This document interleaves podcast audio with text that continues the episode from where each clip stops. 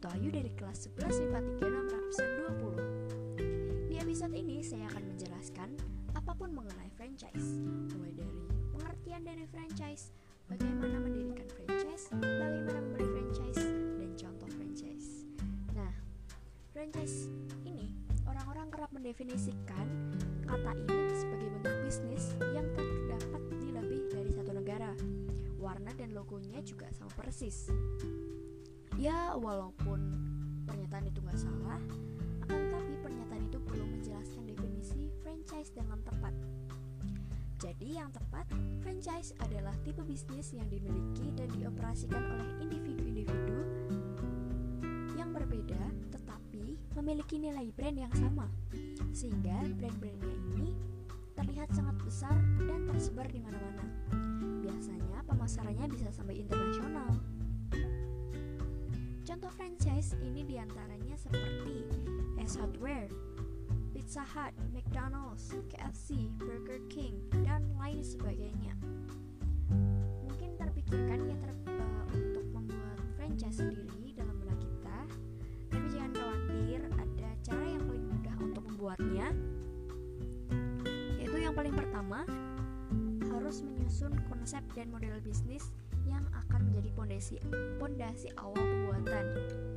Ada baiknya jika kita tawarkan konsep bisnis yang simpel agar kita tidak mempersulit calon mitra atau konsumen. Selanjutnya lakukan observasi kelayakan usaha. Kita bisa melakukannya dengan menghitung lamanya modal agar bisa kembali sejak usaha mulai beroperasi. Semakin pendek waktu pengembalian modal, artinya bisnis franchise kita bisa menarik minat pembeli atau para mitra usaha. Lalu, menyusun standar operasional prosedur atau SOP. SOP ini dibuat dengan meliputi beberapa aspek, yaitu penyimpanan bahan baku, tata cara menyajikan, penanganan konsumen, sehingga para konsumen ini akan lebih dimudahkan dalam menjalankan kegiatan operasional usahanya. Setelah itu ada baiknya jika kita mendaftarkan merek atau brand kita agar merek usaha kita tidak diduplikasi oleh pihak lain.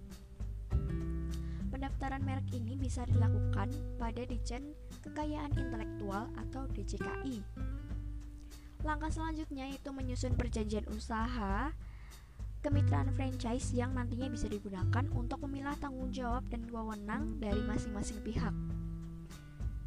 Selanjutnya ini membuat tim dukungan manajemen yang berkelanjutan. Selama bisnis franchise ini berjalan, kita perlu menyediakan dukungan manajemen kepada para mitra seperti contohnya dari segi suplai bahan baku, pemasaran online, foto produk, dan lain sebagainya. Lalu, kita bisa mewujudkan badan usaha berlindung dengan hukum. Karena bisnis ini memerlukan suatu badan berkekuatan hukum ketika diwaralabakan. Lalu lanjut ke pemasaran yang bisa dilakukan secara offline maupun online. Kita bisa menciptakan konten yang semenarik mungkin agar bisa menarik minat calon konsumen.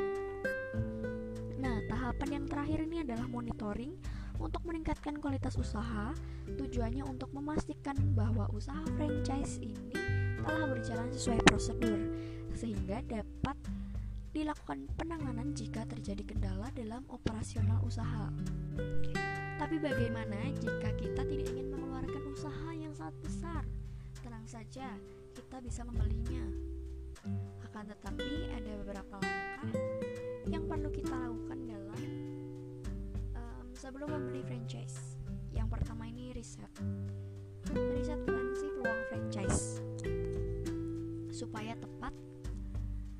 sesuai dengan anggaran, kualifikasi, dan minat pribadi kita.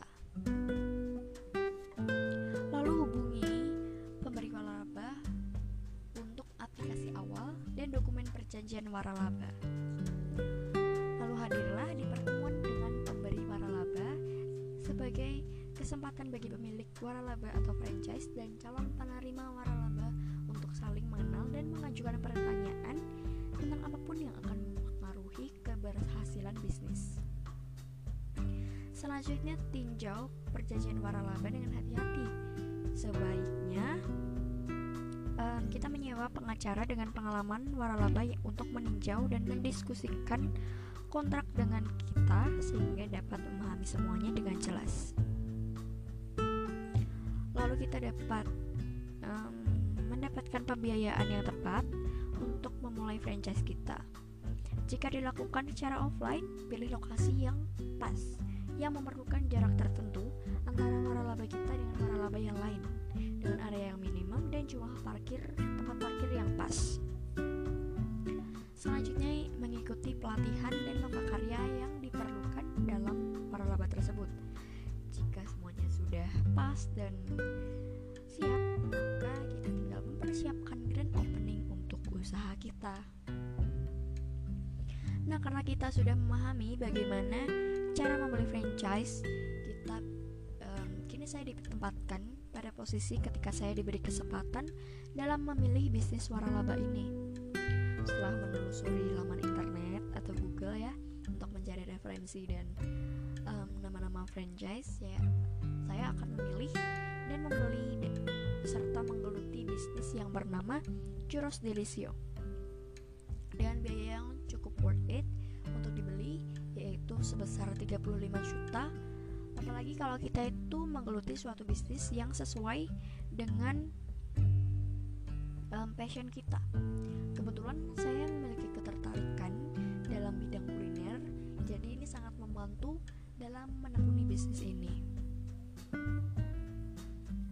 Dengan harga 35 juta ini kita udah bisa mendapatkan mini booth untuk nantinya kita um, sebagai tempat untuk berjualan. Dan kita akan menjualnya dengan harga yang murah dan ramah kantong. Mungkin dari 8.000 sampai 15.000 per satuannya. Jadi itulah hal-hal yang mengenai franchise yang sudah saya jelaskan. Berharap apa yang bisa saya um, apa yang saya berikan bisa menjadi sesuatu yang informatif dan edukatif bagi kita semua. Terima kasih.